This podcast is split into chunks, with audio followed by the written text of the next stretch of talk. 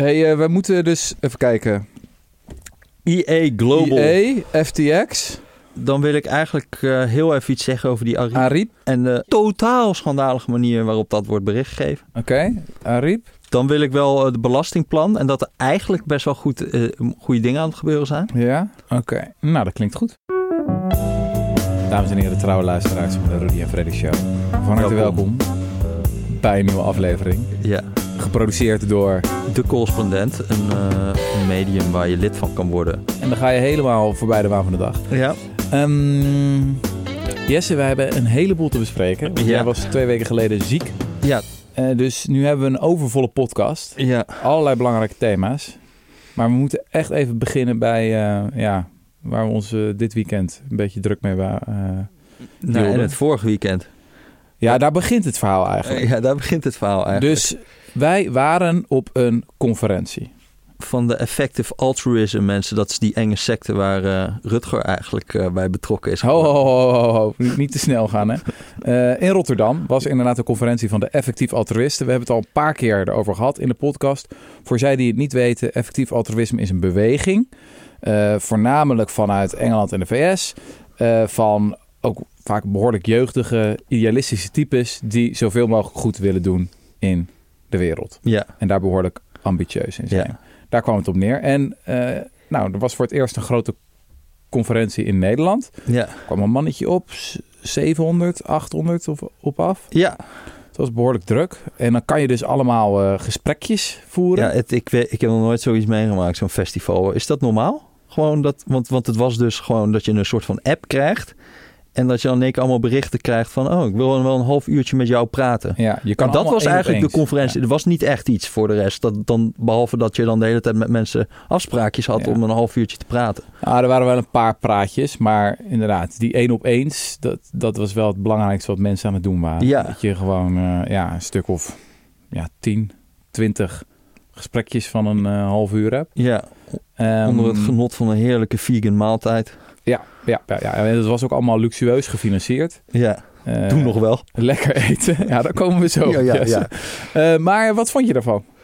Ja, ik vond het eigenlijk dus wel heel erg leuk. Het waren gewoon allemaal hele, hele, ja, gewoon mensen die echt duidelijk iets goeds willen of zo. Ik voelde mezelf een eh, behoorlijk ineffectieve egoïst vergeleken met een heleboel van Ja. deze mensen. Ja, en ik heb ook wel gewoon echt heel veel nieuwe, nieuwe plannen of ideeën gehoord. Gewoon mensen die dan eh, bij de overheid werkten en allemaal ideeën hadden hoe dat beter moest en zo. Dat ik wel echt dacht van wauw, dit is wel echt een vette, ja, gewoon een vette gemeenschap van ja, je hoeft, moet het ook niet allemaal te serieus nemen, denk ik. Mhm. Dus ik heb ook wel wat gesprekken gehad met mensen die dan helemaal bang zijn voor eh, een soort van Terminator scenario met kunstmatige intelligentie en zo. En dat ik dan toch een beetje zoiets heb van, Oh, oh, oh, oh, oh, oh, hier haak Ja. ik een klein beetje af. Ja. Maar wie weet, weet je wel, misschien zit ik ook helemaal mis en is het toch wel goed dat iemand eh, Terminator heeft tegengehouden. Ja. Eh, maar dat gaan we zien. Maar ja, dan, dan, dan wordt het wel op een gegeven moment een klein beetje raar. Maar over het algemeen, al die mensen waren volgens mij gewoon, eh, ja, gewoon heel slim en heel erg bezig met hoe kan ik het meest goed doen. Nou, Ja. het valt allemaal toe te juichen. En journalistiek is het ook wel echt een goudmijn. Ja, Als we het over voorbij de waan hebben. Ja, je komt zoveel mensen tegen die met iets bezig zijn dat je denkt, nou, nog nooit over nagedacht. nee, nee. Maar op zich wel chill dat er iemand mee bezig is. Shrimp van- welfare. Wat is dat? Het, het, het, het, eh, of het goed gaat met garnalen. ja, het garnalenproject. Ja, je garnalenkwekerij. even uitleggen. Hoe- ja, nou ja, garnalen? ik heb het dus eventjes, eh, volgens mij er zijn volgens mij 200 miljard of 400 miljard, ik weet niet eens meer. Er zijn in ieder geval vijf keer zoveel garnalen die worden gedood. Eh, vijf keer meer dan alle eh, land animals. Dus al het pluimvee, alle runderen, alle varkens. Ja. En er is best wel goed bewijs dat die garnalen ook iets voelen. En wat we, dat we allemaal vrede dingen doen om die garnalen, eh, zeg maar, eh, te doden. Blijkbaar, dat is dus heel raar. Ze moeten hun oog afknippen en dan reproduceren ze sneller. Dus Ja. gewoon worden massaal gewoon ogen afgeknipt van garnalen. En dat vinden ze duidelijk niet chill. Dus eh, nou ja, daar is dan iemand mee bezig met van ja, en, en, en omdat het een soort van zee-insecten zijn, mag je er echt, echt alles mee doen. Ja. Zeg maar, dan heeft de kip het nog. eh, Die hebben gewoon geen enkele rechten. nee, die hebben helemaal geen rechten. Maar er zijn dus een paar landen waar het nu dus. eh, waar ze dus ook in de dierenwelzijnswet voor garnalen en voor kreeften en voor weet ik veel wat ook krijgen. Oh ja. Dus ik weet niet, dit is ook wel ja, wel echt zoiets van uh, blij dat daar iemand mee bezig is. Ja, en dit is dan één vent, een ex-Morgan Stanley bankier, toch? Ja, iemand die, ja, iemand die, die private equity deed in uh, Portugal en Spanje en die ja. 2 miljard uh, assets under management had. En die dan nu, nu in de shrimp welfare zit. Zijn baan heeft opgezegd. Ja, je Garnaal heeft niet. getatoeëerd op zijn arm. Garnaal heeft getatoeëerd op zijn arm, ja, ja, ja. André dat soort types ontmoet je daar dus op zo'n uh, effectief altruïsme conferentie. Maar, maar goed, uh, inspirerende club mensen dus. Uh, enige probleem, er is een klein bommetje ontploft in de wereld van het effectief altruïsme. Ja, dit was onze laatste all-inclusive effective altruïsme ja. conferentie, denk ik. En om dat uit te leggen moeten we denk ik eventjes een jaartje of, wat zal het zijn, 10, 15 terug in de tijd. toen was William McCaskill, uh, nog een jonge filosoof. Um, die, en dat is de grote goeroe. Ja, dat is de grote goeroe van het effectief altruïsme. Hij heeft eigenlijk een beetje de, het standaardwerk geschreven. Doing Good Better. Mm -hmm.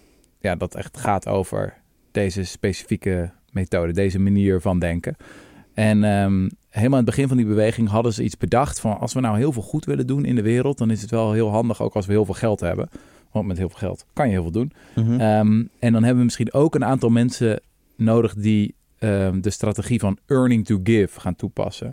Oftewel, je gaat zoveel mogelijk geld verdienen, dan heb je heel veel geld, dan kan je heel veel malaria bednetten kopen om zoveel mogelijk kinderen in, de, in Sub-Saharisch Afrika te redden. Mm -hmm. um, nou, uh, dat was toen in de tijden van Occupy Wall Street en zo. Uh, sommige mensen zeiden van weg met de financiële sector. En deze IE-mensen zeiden van nee, join Wall Street. Weet je wel, word bankier, word zo rijk mogelijk en geef alles weg.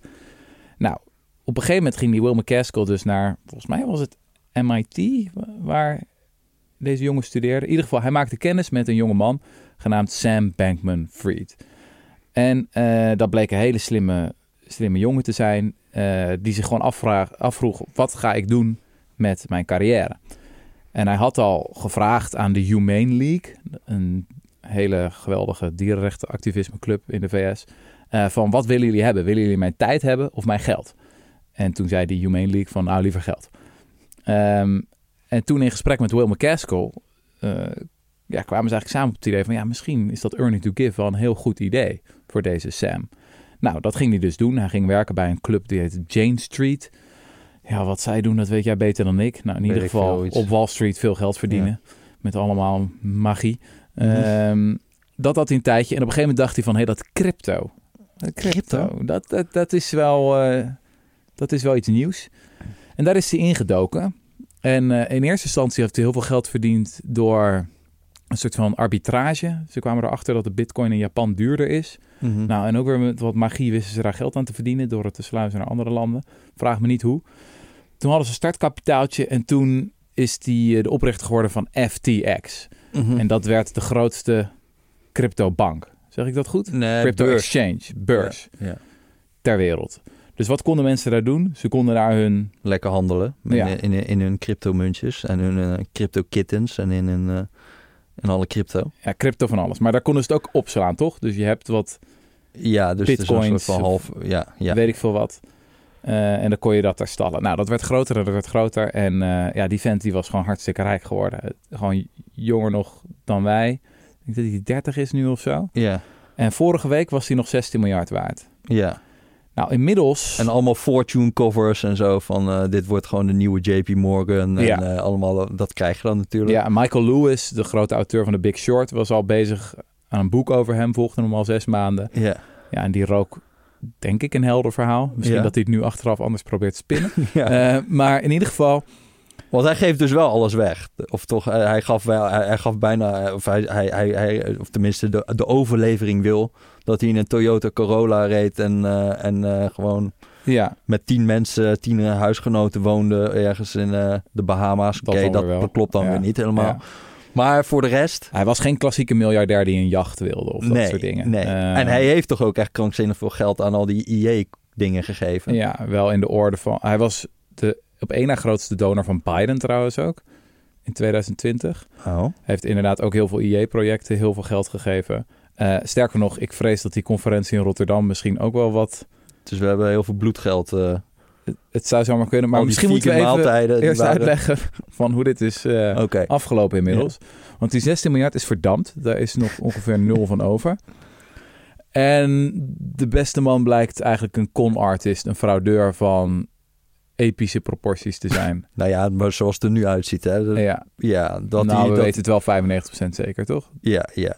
Dus wat had hij? Hij had ook nog een ander bedrijf. Ja, die dan weer handelde in allerlei shit. Ah ja, Alameda Research heette dat. Dat is een soort van hedge fund. fund. Eh, en die ja, gebruikte eigenlijk het geld van de cryptobeurs ja, om op grote schaal te gokken. ja. En niet heel succesvol, naar het nu blijkt. Nee, Nee. nee. En dat, dat mocht ook niet. Nee, dat- nou ja, kijk, dat, dat vind ik dus misschien ook nog wel fascinerend met al die crypto. Dit is, het is eigenlijk gewoon wel, eh, het, ja, het is bijna grappig, waar het niet dat echt heel veel mensen gewoon echt hun geld kwijtraken en hun eh, pensioenpotten en weet ik het allemaal. Maar het- is gewoon, zeg maar, de financiële sector in de 19e eeuw nog een keer overdoen. Weet je wel, dat we al die lessen die we toen hebben geleerd van waarom we, waarom we bepaalde dingen hebben opgericht, centrale banken, eh, een toezichthouder, eh, het scheiden van zakelijk zelfhandelen en zeg maar gewoon een bank zijn voor eh, klanten. Mhm. Dat dat eh, wat, hij, wat zij dan hebben gedaan, gewoon gokken met het geld van klanten en zo. Dat ja, dat als je, als je gewoon een bank was of zo, dan zou dat helemaal Ja. niet meer kunnen. Maar jij wil zeggen dat je dit allemaal hebt zien aankomen? Nee, ik heb het absoluut totaal niet zien aankomen. Iedereen die dat dan nu zit te zeggen, dat vind ik ook dan eh, van... ja, alle tekenen waren er al. Ja, anders dan dat ik, dat ik ook al heel lang zeg dat dat hele crypto fucking idioot is. Kijk, het kan natuurlijk prima zo zijn dat jij een beurs daarin hebt... en gewoon de hele tijd eh, fees incasseert voor elke transactie die er is. Ja. En dat je dat wel allemaal netjes doet en het niet allemaal doorsluist... naar een of ander geleerd Ja. bedrijf die daarmee gaat gokken. Dat, ja, Ja, en er waren ook heel veel grote investeerders die het ook niet hebben zien aankomen. ja, BlackRock en Sequoia en allemaal... Die zijn vreselijk veel geld ja, kwijt die, nu. ja, die zijn ook vreselijk veel Ja. geld kwijt. En ja. die hadden er heel, heel veel belang bij om het wel door te hebben. ja, ja, ja, ja, ja, Maar hebben het niet doorgehad. ja. Deze doerder wilde al zijn geld weggeven. Was echt een ja, gecommitteerd effectief altruïst. En een van de nieuwe ehm sexy ideeën in het effectief altruïsme is het idee van long-termism van eh, Will McCaskill. En eh, die Will McCaskill die was dus ook de, of een van de bazen geworden van het eh, Goede Doelenfonds van deze Sam Bankman-Fried. ja Dat was Future Fund. FTX Future Fund. En die zaten dus allemaal geld te geven aan, ja, wat was het allemaal? Heel Preventie veel. van pandemieën, Ja. eh, bioweapons, eh, eh, tegen nucleaire oorlog. Bunkers bouwen voor als alles ten onder gaat. Ja, ja, Soylent Green maken, zodat we wel iets te eten hebben als die apocalypse komt. Ja. Op zich allemaal best wel sympathieke dingen. Als je de lijst bekijkt, denk je van oké, misschien eh, maken deze mensen zich meer zorgen over de apocalypse dan ik. Maar aan de andere kant, wel fijn dat er een paar mensen zich hiermee bezighouden. En zeker als het gaat over het voorkomen van de volgende pandemie. Mhm. Hartstikke top. Mhm. Dat is een van de dingen die sowieso spreekt voor het effectief altruïsme. Die mensen waren allemaal al ver voor COVID zich heel erg druk aan het maken over het gevaar van pandemie. En waren ook in januari 2020 al enorme hoeveelheden mondkapjes aan het inkopen. ja. Ehm, Maar sta je wel even een beetje voor joker als dat allemaal met eh, gefraudeerd geld is. ja, eh. nee, het is gewoon zo ongelooflijk drama en super gênant. Want het zijn natuurlijk ook mensen die iets claimen te weten over de lange termijnsrisico's voor de mensheid. Van wat we over het grote gevaar is voor over duizend jaar. Maar ondertussen heb je niet door dat de gast naast je ja, ja, een enorme Ja. con-artist is. ja, ja. Maar eh, Maar ja, het is, natuurlijk wel dat je dan hier, hier zo krijgt. eh, en dat, ik zou die verleiding ook niet kunnen weerstaan. Want het is wel echt een geweldig verhaal. Ik ben nu al gewoon heel erg eh, benieuwd naar de Netflix-docu die hierover gemaakt gaat worden. ja. Maar dat dit heel erg verbonden wordt met die earning to give-achtige mentaliteit van... ehm, kijk, dat is natuurlijk wel bij al die effective altruism. Het is heel erg consequentialistisch. Het enige wat het toe doet, is de uitkomst. Ja. En eh, ja, ik kan me wel voorstellen dat je op een of andere manier eh, eh, aan jezelf kan verantwoorden... dat je 2 miljard steelt van mensen die in een cryptobeurs op de Bahama's willen investeren... Mhm. om daar malaria-netten voor te kopen, Ja. bij wijze van Ja, spreken. dan moeten we even heel kort uitleggen. Je hebt twee grote stromingen in de moraalfilosofie. Deontologie, die ervan uitgaat dat er ja, gewoon harde regels zijn. over Gij zult je- niet liegen en eh gij Ja. zult niet... Nou, dat is een beetje een rare filosofie natuurlijk als je het helemaal doortrekt. Dat iedereen zal zeggen van als de nazi's voor je deur staan met de vraag... heb je onderduikers hier dat je wel mag liegen? Ja, Dus soms zijn de gevolgen natuurlijk wel degelijk heel belangrijk. Eh, en aan helemaal het andere uiterste heb je het consequentialisme. En het utilisme is daar een specifieke variant van. Die ervan uitgaat van eigenlijk gevolgen zijn alleen belangrijk. Een daad op zichzelf is nooit goed of slecht. Het gaat erom wat de consequenties zijn. Mhm. Eh, dus inderdaad, als jij een baby moet omleggen om de wereld te redden, dan doe je dat. Zeker Baby Hitler. het baby Hitler is, dan moet je dat absoluut doen. Ehm, en het utilisme heeft dan ook nog het, eh, gaat terug op Jeremy Bentham, de, de filosoof, die zei dat het, het, het goede is. eh, ja, eigenlijk je moet streven naar eh, zoveel mogelijk geluk voor zoveel mogelijk mensen. Mhm. Dat is wat je moet doen.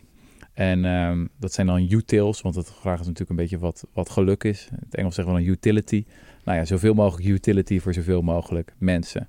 Mhm. En inderdaad, als je dan zwaar moet frauderen, als je een paar honderd miljoen klanten nu moet oplichten om het leven van allemaal theoretische mensen in de toekomst te redden, Ja. ja, dan moet je dat zeker doen.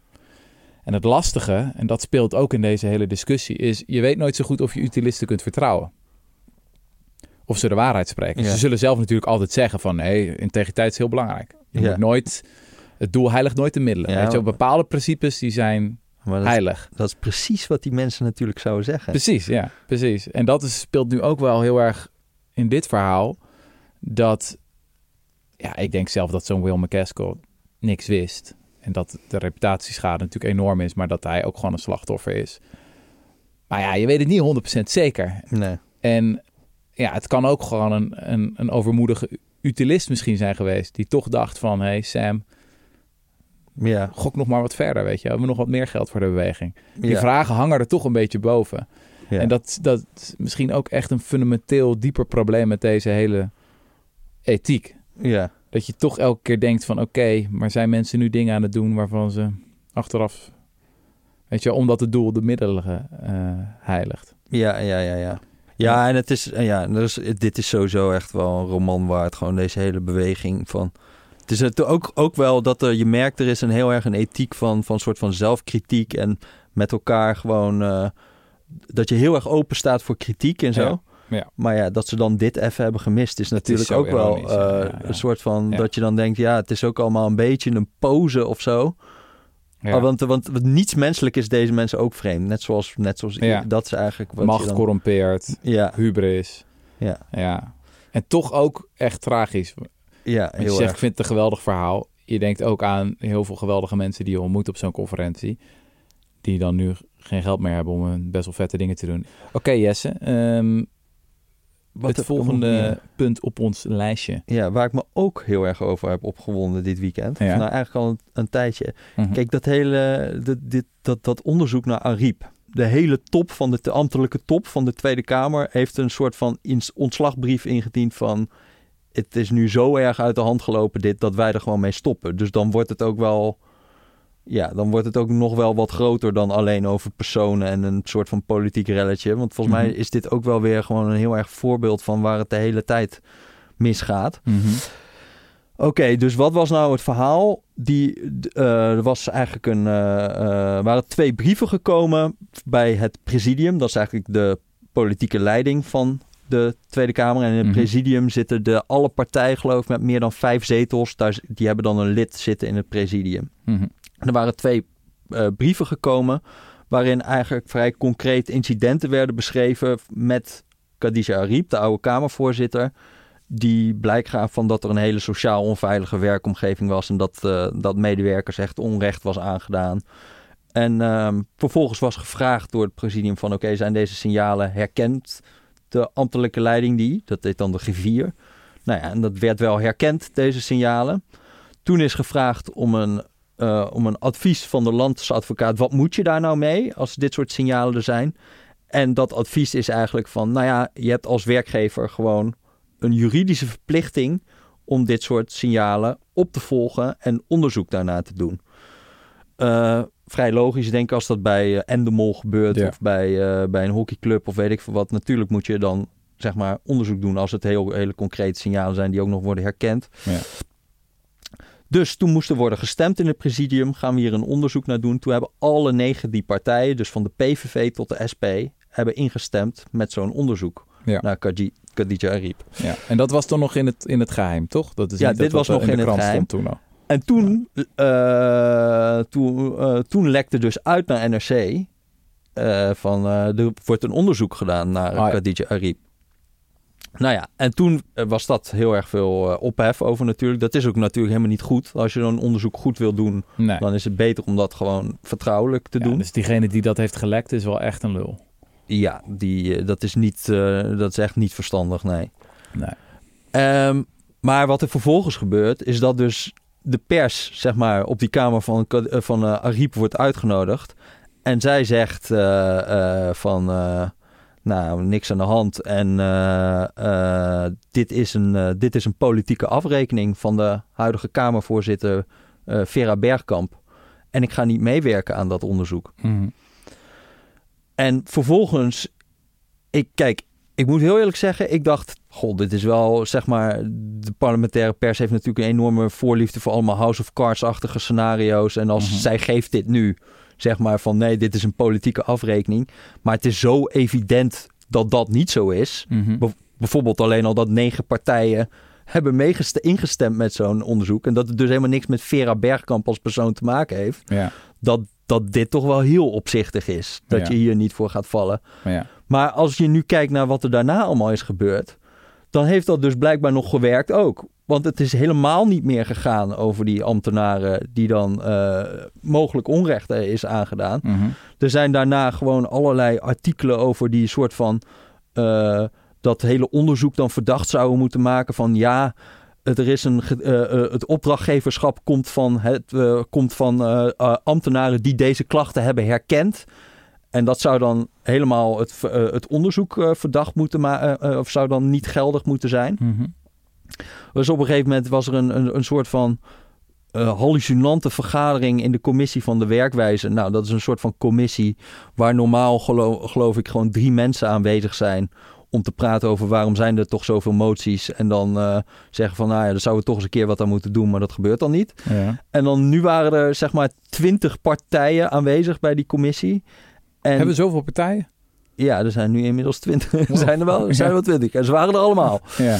En, eh, en nou ja, dan, dan heb je natuurlijk allemaal die PVV en zo die dan gaan zeggen... dit is een politieke huurmoord van Vera Bergkamp op Khadija Ariep. Hm. Eh, nou, maar goed, daar kan je het op zich nog wel van, van verwachten, weet je wel. Dat een kwart van de Kamer eh, inmiddels bestaat uit mensen die alleen maar blikjes op het veld aan het werpen zijn. Mhm. En daar is er dan ook wel een van. Maar dan ook weer gewoon Omtzigt en Leijten... die, ja, die, dan, die dan gewoon gaan proberen om dat onderzoek gewoon te zeggen van... nee, we moeten er nu echt stopzetten. Eh, er, zijn nu zoveel eh, eh, dingen aan de hand en Khadija Ariep is weg... dus waarom doen we dit onderzoek überhaupt nog? Hm. En die maken dan een heel politiek spel van... Ja. om, om, om, om maar te zorgen dat, dat, dat, dat, dat zo'n onderzoek niet doorgaat.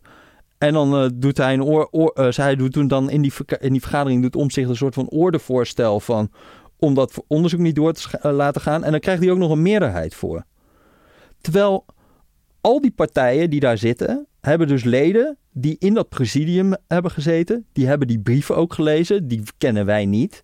Mhm. Die vonden blijkbaar die signalen erg genoeg om daar onderzoek naar te doen. Er ligt een advies van de landsadvocaat dat je dat als goed werkgever verplicht bent om dat te doen. En dan vervolgens ga je daar een een of ander idioot politiek spel van maken, omdat jij een soort van tribale loyaliteit aan de oude Kamervoorzitter hebt. Hm. Het is toch best wel schandalig, gewoon als dit in een normaal bedrijf zou gebeuren. Wat moet je daar dan, als het nou echt zo is dat die eh, Kamermedewerkers onrecht is aangedaan, Mhm. waar zit je dan naar te kijken? Ja. Nou, het lijkt mij in ieder geval ja, dat je in ieder geval onderzoek doet naar die vraag. Ja, ja en, da- Ja, en daar, daar weigert dan Ariep aan mee te doen. Ja. Eh, want het zou allemaal een politieke afrekening zijn en zo. Nou, dat vind ik niet heel erg sterk. Ehm, maar ja, dan nu, nu dus, is, is dus de hele politieke, eh, of is die hele ambtelijke leiding van de Tweede Kamer opgestapt. En als je die brief leest, dan zeggen zij echt duidelijk van, nou, eh, ik, dat zij het echt schandalig vinden dat hier een soort van politiek over is gemaakt. Ja. En dat, dat dan ook in de media de hele tijd de vraag dan nu wordt. Nu is dan die politiek, is dan die ambtelijke leiding is opgestapt. Die hebben in die brief gezegd van, nou ja, er zijn allemaal artikelen in de pers verschenen die ons verdacht maken. En wij kunnen daar niet tegen re- aan reageren omdat wij ambtenaren zijn. Mhm. Eh, en er wordt een soort van heel politiek debat georganiseerd over zoiets wat best wel pijnlijk kan zijn voor, voor eh, mensen. ja. Ehm, Ja, dat de, en, en, en, en, en ik ben, wij zijn daar gewoon klaar mee. Er is een soort van morele ondergrens eh, bereikt. Ja. En vervolgens wordt dan, eh, kijk je naar Nieuwsuur en denk je, nou, dat is toch wel een, eh, een behoorlijk signaal dat zij dat zo ervaren. En dan wordt er een soort van zin uitgelegd dat zij zich onvoldoende gedekt voelen door de politieke leiding. En dan wordt er gevraagd van, kan Bergkamp nog aanblijven? Alsof dat het fucking verhaal is. Hm. is toch, ja, Ja. ik kan er echt niet bij hoe men dit nou weer gewoon, hoe dat, hoe dat zo kan lopen. Ja. Ja, het is En, helemaal- en het is ook gewoon zo, zeg maar, als je dit al niet kan als Kamer, gewoon een he- hele bazaal. Als dit al politiek wordt, zeg maar, ik, ik Ja. vind het zo. Het gaat gewoon over goed werkgeverschap Ja. in essentie. En dit had nooit naar buiten mogen komen. Nee, dat ook In ieder nog. geval niet voordat het onderzoek is gedaan. Van zo'n Ariep, eerlijk gezegd... Weet je, als je integriteit zo wordt aangevallen... natuurlijk voordat het onderzoek is gedaan... en er, het komt dan naar buiten van... oké, eh, iemand is een machtswellusteling geweest... heeft allemaal verschrikkelijke dingen gedaan.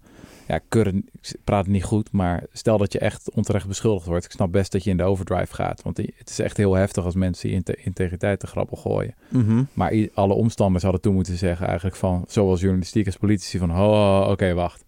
Even klaar. Eerst Maar daarom doe je toch een onderzoek. Ja, van als het niet zo is, dan is het niet zo. Ja. Er was, was ook nog iets heel moois. We hebben ook nog iets We hebben ook het belasting, onverdeeld positiefs in belastingplan gehad. het belastingplan. Oh ja, het belastingplan. Ja.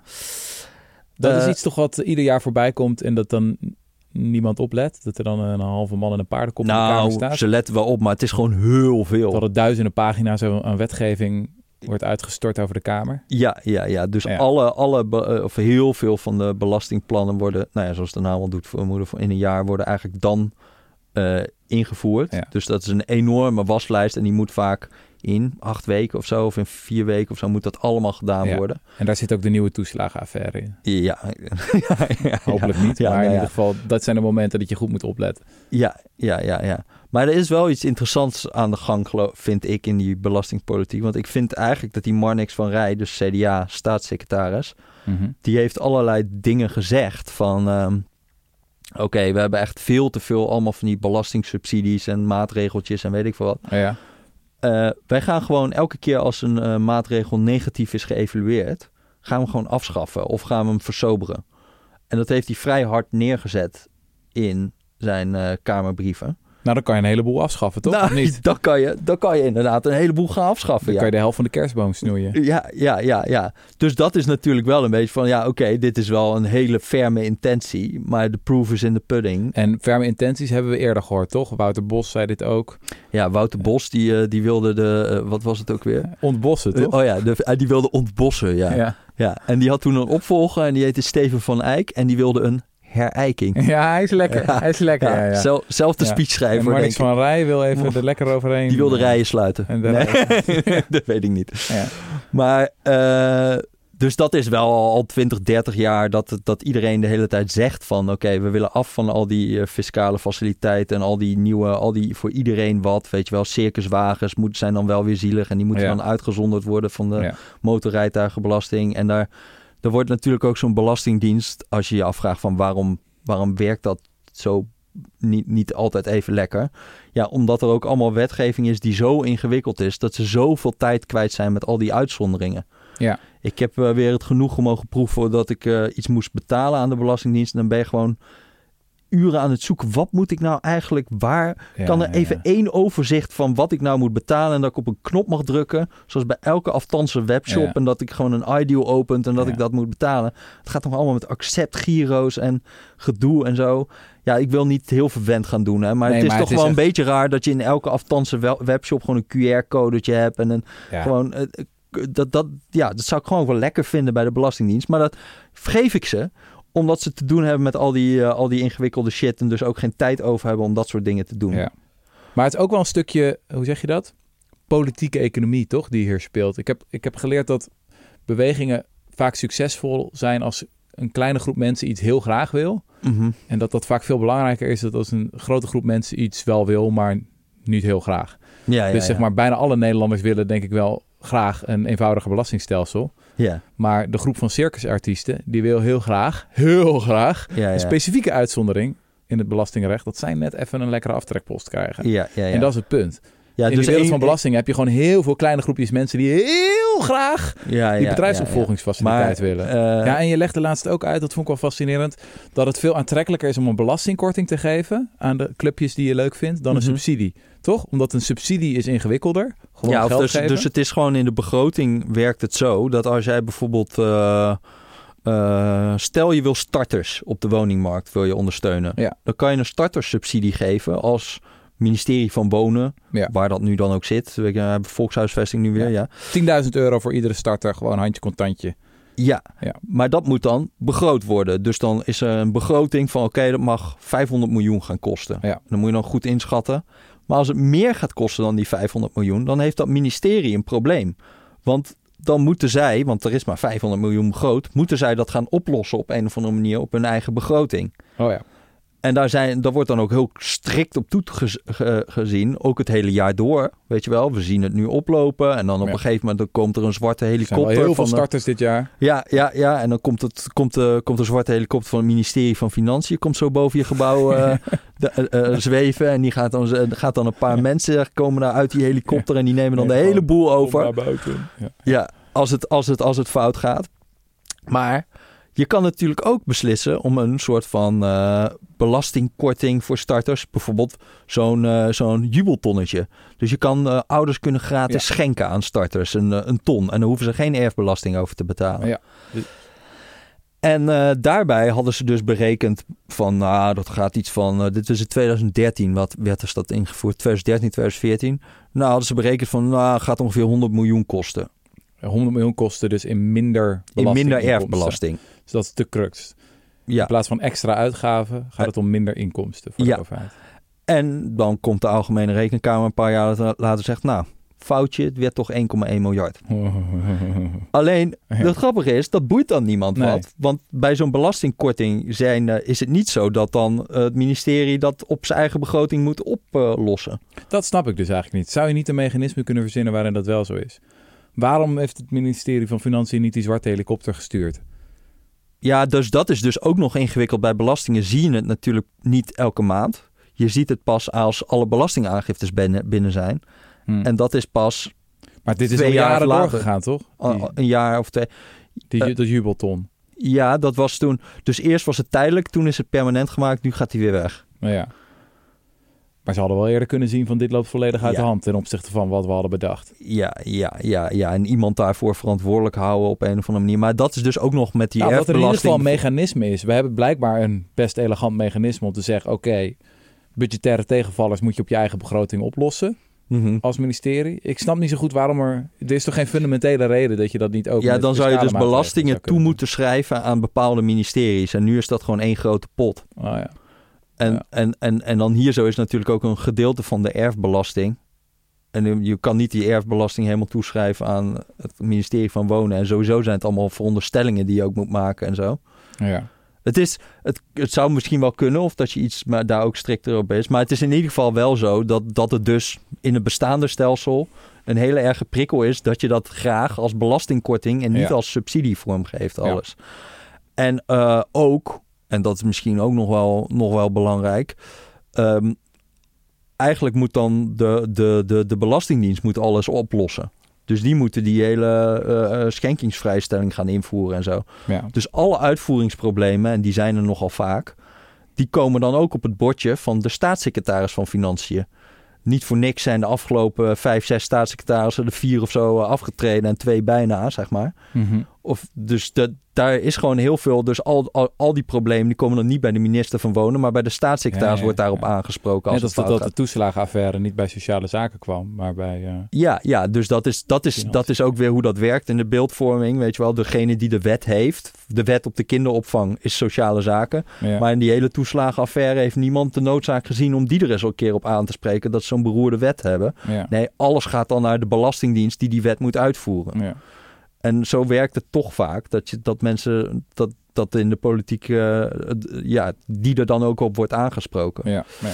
Dus dat zijn wel sterke krachten die werken tegen. eh, eh, dus daarom zie je ook wel. Er zijn wel momenten geweest dat bijvoorbeeld die Wouter Bos. Toen had je de filminvesteringsaftrek en de fietsenaftrek. En nog allemaal rare aftrekposten die we niet meer hebben. Ja, die zijn wel weg. Maar er komen gewoon nieuwe dingetjes voor terug de hele tijd. Ja.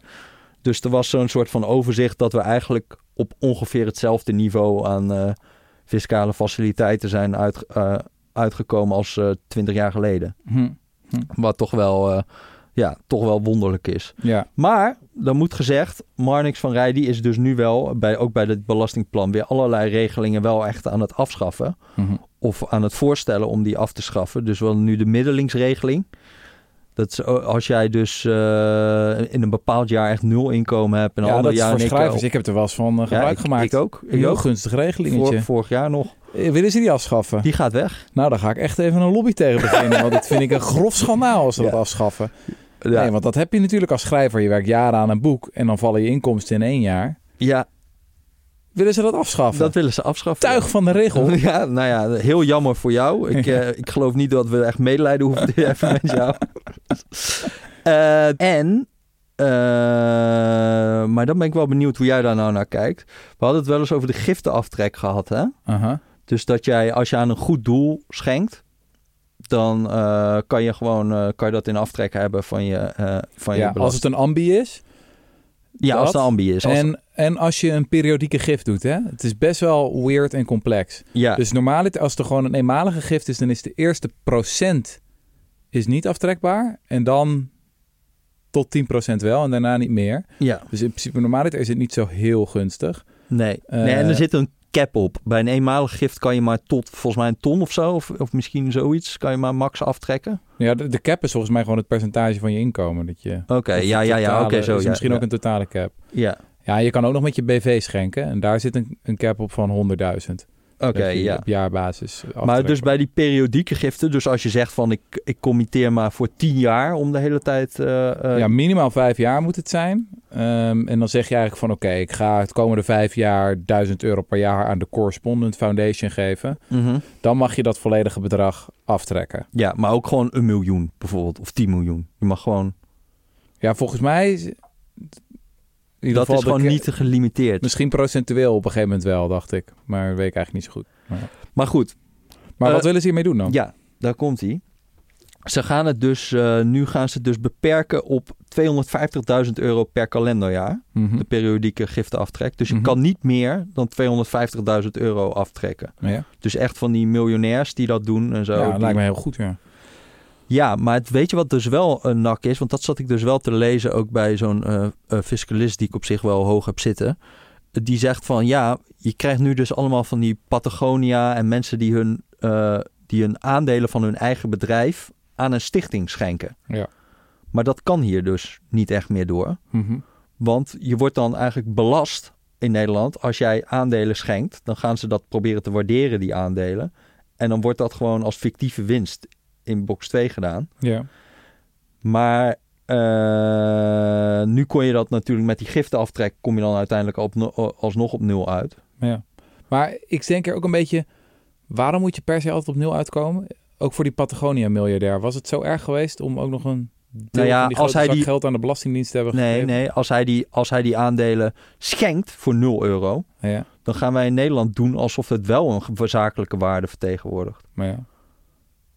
Dus dan dwingen we hem om belasting te betalen over iets waar hij helemaal geen geld voor heeft gekregen. Maar ja, oké. Ja. Snap je? Zo werkt het in Nederland. Ja. En dat wordt nu opgeheven door de giftenaftrek. Maar je mag in principe niet een, een bedrijf wat eh 10 miljard waard is schenken voor 1 euro. Nee. Of dan wordt het belastbaar voor, volgens die 10 miljard. Snap je? En dat maakt niet uit als die giftenaftrek er is. Maar als die er niet meer is... Snap, snap je het idee? Ja, ik snap het punt Dus wel, je kan ja, eigenlijk... dus al die dingen van wat, wat wij dan wel sympathiek vinden van... eh, mensen die hun, hun bedrijf schenken aan een stichting... die voor de hele lange termijn gaat nadenken over... wat zij dan met die opbrengsten gaan doen. Ja. Zoals dat Patagonia bijvoorbeeld. Dat wordt, zou in Nederland dan eh, eh, eh, nu wel moeilijk worden. Maar wat zou de consequentie zijn? Ja, wat zou de consequentie zijn nu? Je kan het nog steeds toch wel doen, alleen er zit minder in de pot van dat goede doel dat je vervolgens opricht. Omdat je meer kwijt. Ja, maar dan moet dat goede doel... moet jouw belastingclaim ook gaan betalen. Ja. Eh, ik moet echt even over nadenken. Ja, hoe je kijk, dat mijn basale filosofie zou zijn: eerst netjes je belasting betalen en dan ook, zeker als je rijk bent, lekker veel geld geven aan het goede doel. Ja. Maar dat is soms een beetje het, het ongemak wat je ook voelt bij zo'n giftenaftrek. Mhm. Je denkt, op zich snap je het wel. Een beetje het maatschappelijk middenveld stimuleren. Een beetje helpen met mensen. Een beetje om mensen goede dingen laten doen. Maar ergens denk ik ook wel eens van, in je ideale samenleving...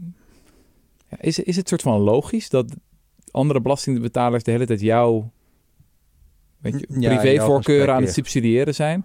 Dat ik ben, vind Nou- bijvoorbeeld Against Malaria Foundation heel geweldig. En die, ja, eigenlijk andere belastingbetalers zijn eigenlijk aan het meebetalen dat ik Kijk, je kan, je kan zeggen, of als je het wil verdedigen, is een soort van de overheid heeft niet monopolie op het algemeen nut. Nee.